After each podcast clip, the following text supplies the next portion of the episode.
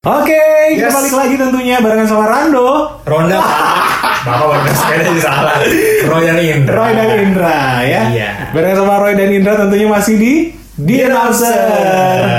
Terlihat Belum connect ya Lelah. Wah, abis, Lelah. abis ngapain kok boleh tahu? atlet gue. Wow. Habis sepedahan biasa. Biasa mungkin sepedaan itu dari depan komplek-komplek aja gitu ya. Hmm. Sekarang sekitar rumah aja. Betul Yang denger-denger bolak-balik kamar 7 kilo itu ya 10. 10 kilo sorry. Bolak-balik kamar karena nggak bisa ke mana-mana ya bisa ke mana-mana. Betul Tapi Bapak Roy berolahraga Mm-mm. Sejujurnya Karena ingin jadi atlet atau karena fun aja? Kalau saya untuk sehat. Iya. Kalau saya untuk sehat karena udah terbiasa mungkin Indra ya. Kebutuhan juga kebutuhan sehat. Hmm. karena menunjang performance ya asik Hmm, arahnya ke sana ya, iya ya. arahnya ke sana bener dong kita kan masih jualan Oh iya. Iya. Oke oke. Nah kalau Bapak Roy ini eh, menjadi olahraga sebagai rutinitas Betul. kebutuhan.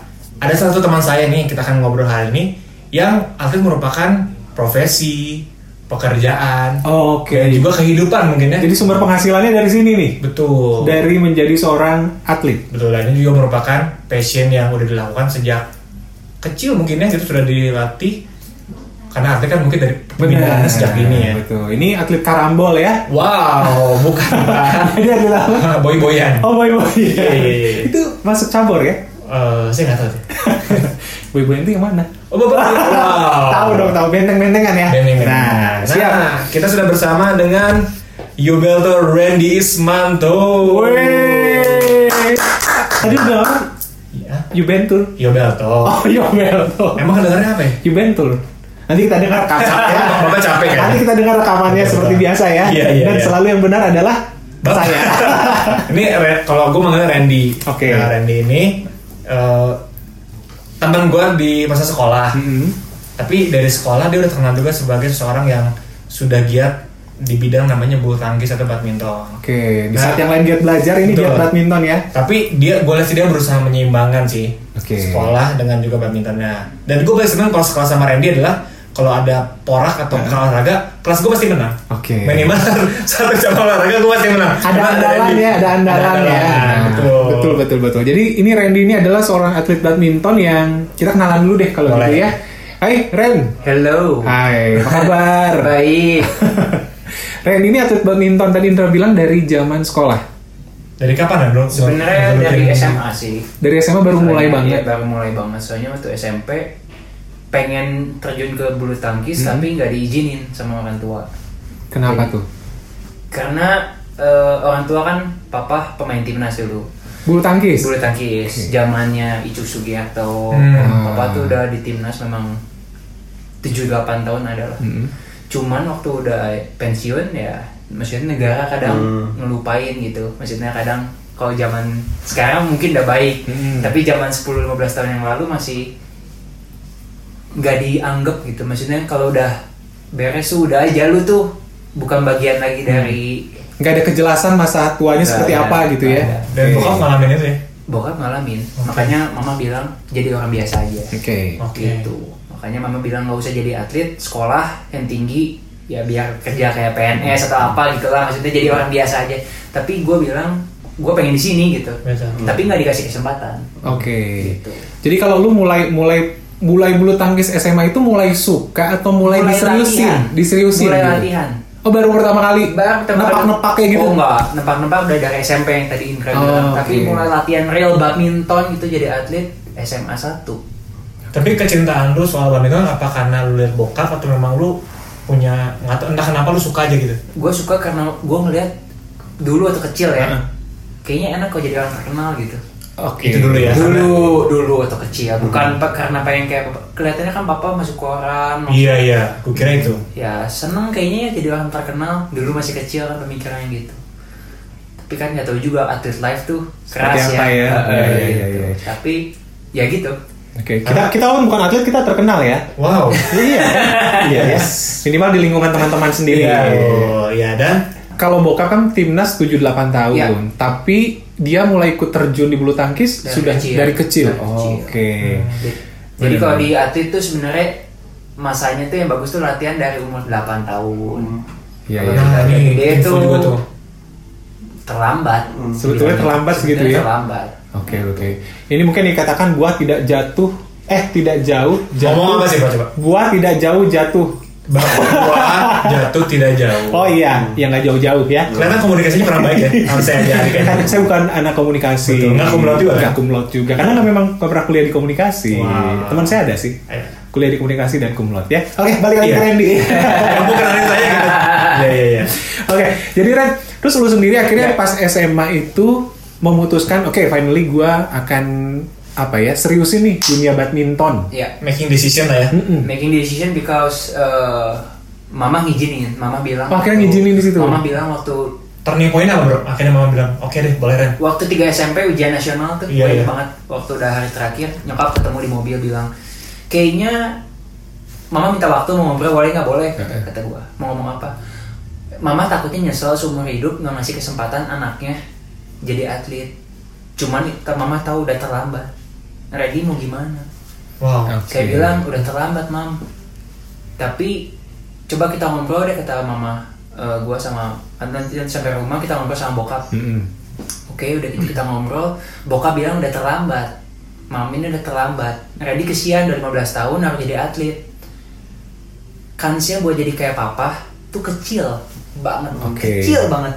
Karena Karena gue udah terlambat. Orang lain Usia Oh, segitu lu terlambat juga? Usia- Karena kalau nggak salah mulai-mulai tanding juga umur 18-an, 17-an ya? dari kecil udah ada kan kelompok umur. ya kau kau Iya, gitu. Tapi kalau yang kayak ke TV TV gitu ya kayak Ya, dulu udah. mereka Itu 18 19 ya. 19 ke atas. Ah, kan oke. Jadi eh, udah terlambat. Ya, Oke. tapi kata bokap gue pilihan dia Randy. Papa maksudnya mau ngasih kesempatan hidup kan cuma sekali. Oke. kalau nggak dipakai kesempatannya mungkin juga bisa jadi we never know Mm-mm. tapi gue bilang oke gue mau komitmen. Tapi bokap ngasih tiga pesan masa muda lu bakal habis. Oke. lu harus kerja keras dan lu harus komitmen. Sanggup nggak? Jangan cuman iya iya doang. Oke gue sanggupin. Waktu gue sanggupin ya ternyata memang berat. Atlet life tuh nggak semudah yang kita bayangkan. Gitu. Jadi sesudah diiakan sama orang tua terus lu langsung dimasukin ke pelatihan gitu. kebetulan bokap punya klub sendiri. Oh. gitu. Jadinya gue latihan di klub sendiri yang gue berusaha di situ Akhirnya di situ. mati-matian Betul. Siap siap. Lu berapa saudara sih? Tiga. Kan? Tiga-tiganya suka bulu tangkis. enggak Jadi yang suka bulu tangkis? gue kakak gue perempuan Heeh. orang biasa cuman gue yang nerusin bokap gue Oke. Jadi memang bakatnya di lu turunnya ya. kakak yang pertama juga bagus cuman dia nggak bisa maksudnya Nggak pede. working working hard tuh berat juga buat maksudnya perempuan kan iya, iya. nggak semua bisa kerja keras juga kan di atlet itu harus ada kerja kerasnya nggak dia mungkin nggak sanggup di situ. Hmm. makanya dia men- mendingan jadi orang biasa dan dia nggak pernah terjun di dunia atlet sih Oke. Sebelumnya salut banget sama bokap nyokapnya Randy ya berarti ya. Hmm. Maksud gua ngasih kebebasan yang maksud gua mungkin bokapnya bisa kali ya untuk bilang pokoknya papa atlet kamu atlet juga gitu ya. Pas Iya. bisa tapi mungkin Iya. dikasih space buat Randy memilih dan kebetulan Randy arahnya sama bulu tangkis juga. Bahkan gue zaman SMA dulu ketemu, mau ketemu Randy nih ketemunya di gor pak. Wah. Kalau gue mau jajan sama Randy gitu, ketemunya di gor gitu. Enggak, tapi waktu waktu lu ketemu di GOR tapi lu tetap sekolah formal biasa kan? homeschooling Oh gitu, biar lu total banget Biar di total. atletnya. Soalnya udah terlambat ini kan Hmm. kecuali nggak terlambat mungkin masih sekolah di sekolah yang sama sama Iya, Indra iya. dulu Iya, Betul. iya. Tapi ya itu gue bilang salut sih maksudnya orang tua mengizinkan banget lu untuk akhirnya eh, apa ya fokus di badminton gitu ya. iya Sebenarnya kenapa sih bokap waktu itu akhirnya ngizinin? Kan udah kekeh banget tadinya lu jangan Nyokap, jangan. nyokap. Yo nyokap dulu nyokap justru ya. nyokap bokap sih seneng kalau gue menjadi atlet seneng tapi nyokap Oh. ngizinin kayaknya jangan deh gak ngizinin nyokap gitu Siap. Oke. Jadi lu sendiri ini mulai berlatih di kelas 1 SMA satu SMA Satu SMA. 2010 2010. Terus berapa lama akhirnya lu bertanding? Eh bertanding. Berapa lama lu berlatih sampai akhirnya lu bertanding tingkat daerah dulu mungkin ya apa nasional dulu gitu? Itu udah udah mulai ikut sih udah ikut pertandingan di Jawa Barat di nasional udah bisa ikut. Cuman gak pernah ada hasil. Kalah terus kalah terus kalah terus. Hmm. cuman paling mentok delapan besar Iya, semifinal. iya, gua udah gak baca pernah kayak- juara gak pernah juara. Oke. Gitu. Terus akhirnya maksud gua pertama telat lu Ya. telat, terus lu kalah terus let's say Hmm. sorry to say Ya. di masa itu. Ya. Yang membuat lu apa ya yang membuat lu Tetap lanjutin. iya apa ya? Maksudnya yang membuat lu tetap bertahan gitu? Gue calling gue di situ. Panggilan gue di situ. Panggilan gue gue merasa gue memang di sini gitu. Walaupun kecil kansnya tapi gue nggak tahu kenapa panggilan gue di situ. Oke. ada ada sesuatu aja yang selalu orang kayak ngomong tentang talent. Kalau gua ketemu orang tuh tentang passion jadi itu yang membuat gue yakin gitu sama panggilan gue di situ Oke. Terus akhirnya perjalanan lu selama ini latihan badminton gimana aja tuh Ren? Ada pengalaman-pengalaman apa sih? perjalanannya gak seindah yang orang lihat saat ini kan Iya. orang, orang saat ini kondisinya saat ini kan karena gue udah di Eropa orang malah menganggap gue sukses walaupun menurut gue gue belum sukses masih jauh banget gitu Hmm. Eh, waktu masih kecil pertama kali milih bulu tangkis mau jadi jalan atlet buat gue berat banget karena masa muda gue yang gue bilang gue hilang tuh. Gue nggak bisa ketemu teman-teman gue gue nggak bisa main. Orang lain tak eh, misalkan menikmati masa SMA gue nggak dapet gitu. Itu tuh eh, apa ya bukan psikis tapi mental gue sempat kena gitu. Maksudnya aduh gue nggak bisa menikmati masa muda gue Berarti lu sempat nyesel? nggak nyesel tapi gue menganggap eh, kok gue nggak bisa merasakan kayak orang lain gitu. Oke. walaupun maksudnya di sini pun ini pilihan hidup gue gitu. Tapi ya tetap gue yakin gue tetap jalanin di sini gitu. Dan yang gue alamin gue latihan tuh gue inget banget waktu dulu gue latihan lebih daripada orang lain. Itu yang gue anggap eh, mungkin kenapa gue bisa ngejar tapi capeknya sampai sekarang masih ingat gitu. Jadi orang lain misalkan jam 8 latihan gue jam setengah 8 udah di lapang mereka beres jam 10 gue setengah 11 baru beres gue pokoknya gue inget gue harus lebih dari orang lain karena gue ketertinggalan gue banyak Oke. Lu berarti bukan hanya push the limit tapi benar-benar over limit mungkin ya? over limit makanya gue sampai eh, banyak ya ibaratnya nggak cedera tapi badan gue banyak ngalamin sakit-sakit Pegel-pegel. itu tuh udah ah, udah biasa gitu maksudnya karena over limit gue Oke. Ya kalau ditanya dia capek atau enggak ya kalau nggak capek nggak akan jadi atlet ya kan? Iya. Bener. Terus kalau kalau ini mungkin ada yang denger nih teman-teman sekalian, kalau dia pengen jadi atlet, Ya. sebetulnya sehari itu tiap hari latihan. Senin sampai Sabtu gue latihan Tiap hari? minggu rest Sehari berapa jam latihan Ren? yang profesional apa yang normal Hmm, eh, dari awal deh, dari Basic basic deh, dari Oke, kalau basic. yang basic orang paling sehari cuman 3-4 jam Tiga, pagi empat. 2 jam latihan sore 2 jam Oh gitu. Oke. Kalau yang profesional kayak kita udah mungkin satu hari bisa tiga sesi, bisa enam jam. Oh dua jam, dua jam, dua jam. Iya, belum kalau kita mau tambahan sendiri ada larinya, ada gymnya itu kan eh, kesadaran pribadi ya. Oke. Kayaknya bisa jadi 7 jam latihan. Bisa 7 Gokil ya. Itu tergantung lah, gitu. Oke, jadi terus lo sendiri akhirnya sekarang sudah ada berapa tahun menerjuni Bulu tangkis berarti 10 tahun. 10 tahun. 10 tahun. 10 tahun. 10 tahun ini prestasi apa aja sih yang udah lu bawa akhirnya Ren? Di di Indonesia gue nggak pernah berprestasi, tapi waktu gue ke Eropa, gue berprestasi di sana. Di Denmark gue sempet juara-juara nasional di sana. Oke. Internasional gue semifinal Hmm. di Slovenia Open gitu. Terus sekarang ranking di dunia udah ranking 300 dunia. Lumayan lah Wow. maksudnya walaupun belum top, tapi gue merasakan hasil kerja keras gue ada hasilnya Oke. seenggaknya gitu. Itu dia ya.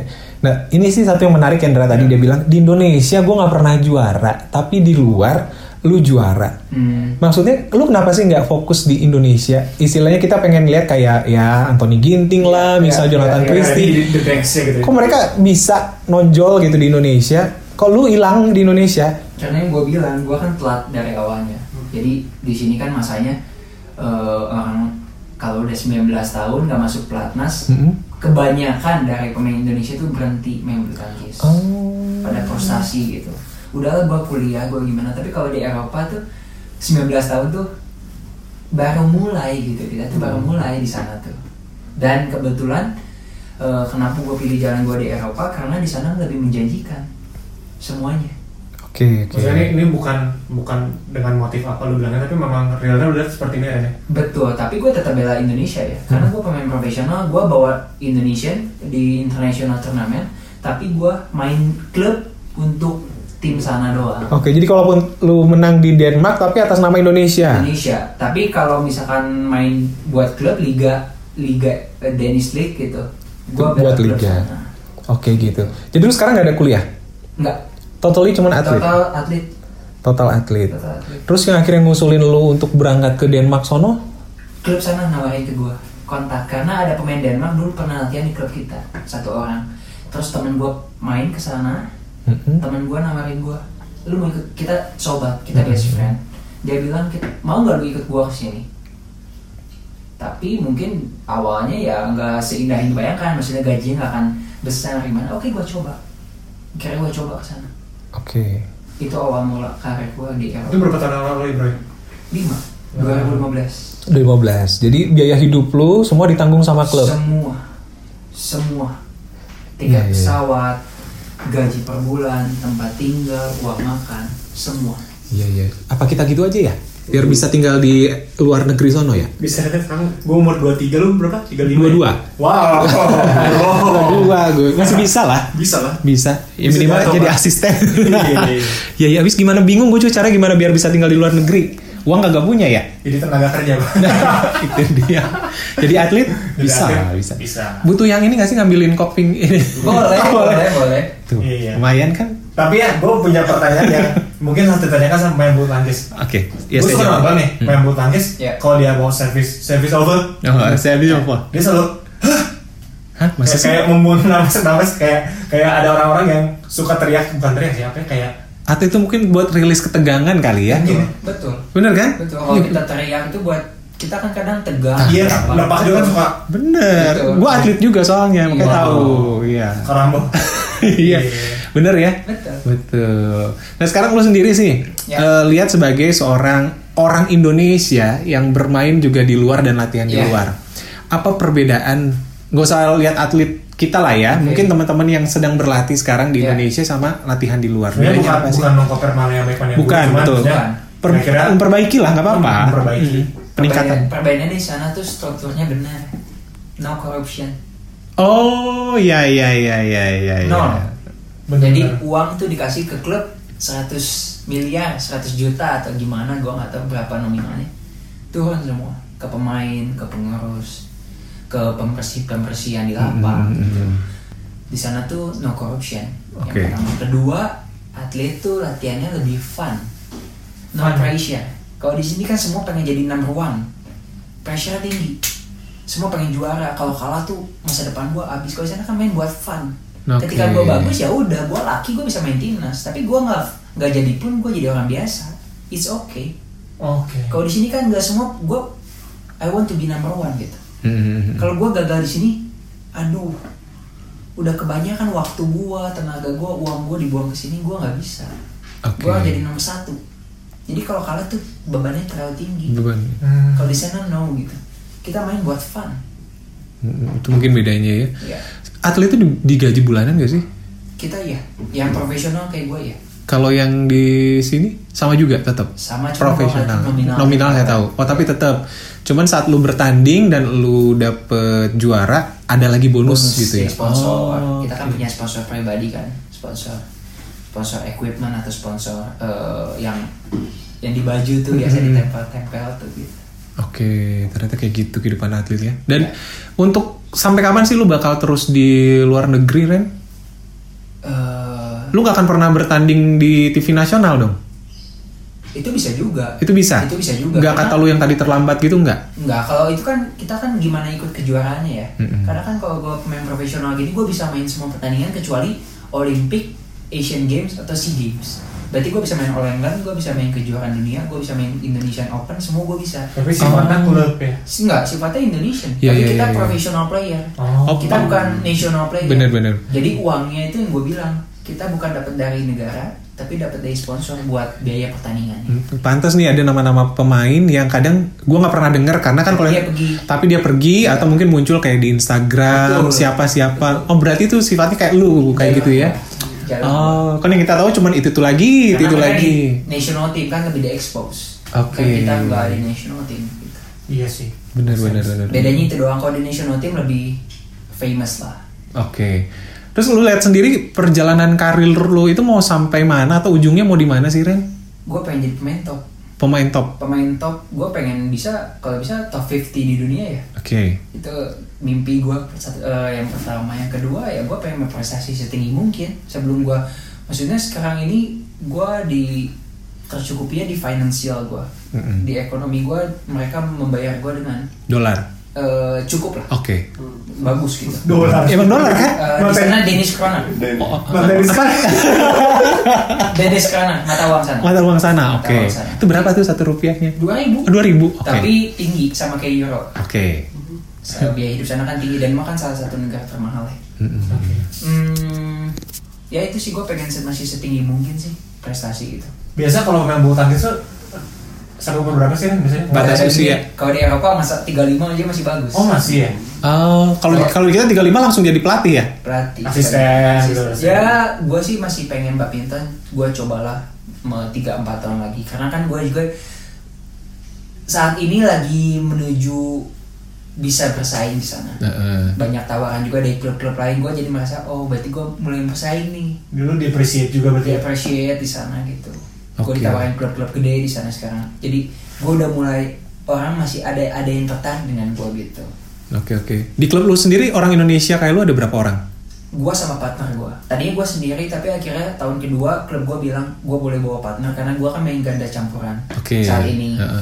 sebelumnya gue main single jadi tahun kedua gue main ganda campuran gue decide gue mau stop main single gue main mix double akhirnya gue boleh bawa partner ke Indonesia Dan itu partnernya lu pilih berdasarkan berdasarkan eh Chemistry atau?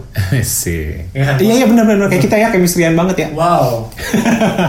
sebenarnya eh, berdasarkan apa ya gue pilih juga sih maksudnya Ha-ha. orang di, di Indonesia siapa yang cocok mainnya sama gue gitu dan cuman ada beberapa nama yang ya udah akhirnya gue pilih dia gitu Oke. buat menjalani masa masa ini di Eropa gitu Jadi lu di ganda campuran. Di ganda Jadi 300 besar itu di ganda Di ganda campuran. campuran.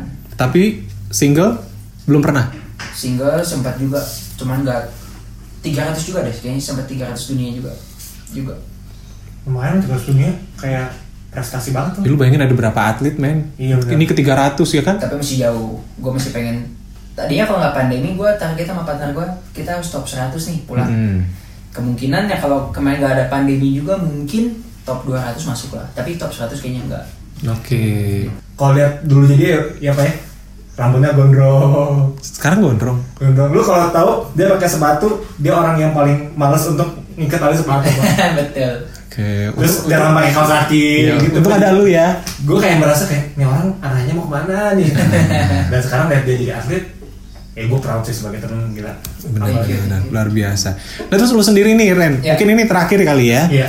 Kan kalau kita misalnya kayak Indra nih, Ya. jurusan komunikasi kuliah, Cum terus laude gitu ya. Iya. Dia punya tujuan jelas nih, mau jadi direktur katanya. Kamu bisa ya Indra? Bapak tahu ya? nah itu tuh jelas karena dari mata kuliah misalnya dari Iya. pelajaran. Lu sendiri nih dari seorang atlet, ya cita-cita lu ke depan lu mau bikin apa selain ingin berprestasi kayak tadi ya? Sesudah bulu tangkis apa Dia sudah Iya, sudah bulu tangkis. Karena kan lu nggak mengenyam pen- bangku pendidikan yang formal ya gitu.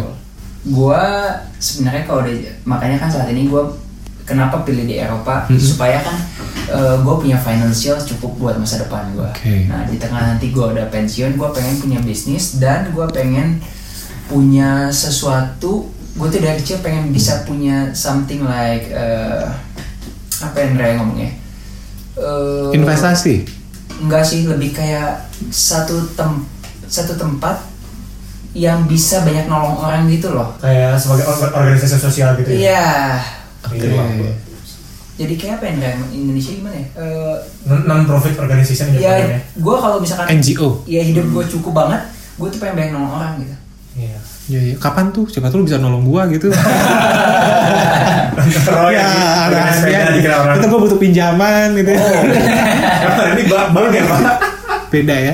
Cita-cita lu kayak gitu ternyata. Cita-cita gue dari kecil itu sih.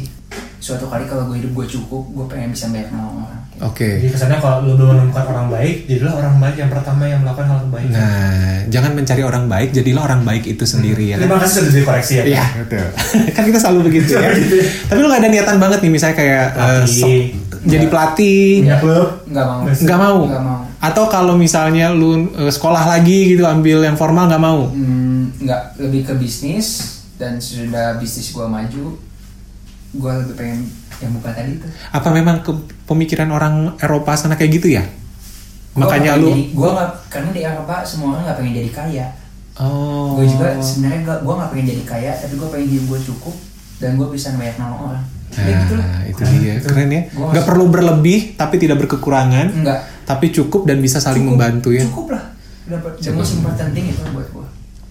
Keren keren. Kalau lu punya anak nih, balik lagi kayak orang tua lu ya. Ya. Kalau lu punya anak, lu izinin gak anak lu kalau punya bakat kayak lu bulu Jangan. tangkis? Jangan. Tuh kan sama aja dong. Kalau gua bukan karena masa depan, karena Oke. karena tanggung jawab jadi atlet itu besar. Gak semua orang bisa. Iya kalau anak lu, lu latih dari kecil kan kagak masalah ya. Tapi mentalitinya sanggup nggak, kak? Oke. Masalahnya mentalitinya jadi atlet itu harus komitmennya itu yang tinggi. Iya iya. Gak semua orang bisa. Mungkin di prosesnya lu lihat dulu kali ya anak lu gimana atau gimana? Gue merasa aja gue berat. Gue Oh. berat banget dan badminton tuh punya harus punya faktor laki. Lu ada keberuntungan di situ. Hmm. Bukan percaya hoki ya, tapi ada laki nggak di situ. Iya sih. Iya iya. Pantesan lu gak jadi atlet ya, Ndra? Karena Gak bisa berkomitmen. Wow. ya nggak apa karena Randy lah. Iya, iya, iya, iya. Karena Randy Randy udah, karena Randy udah tahu ya.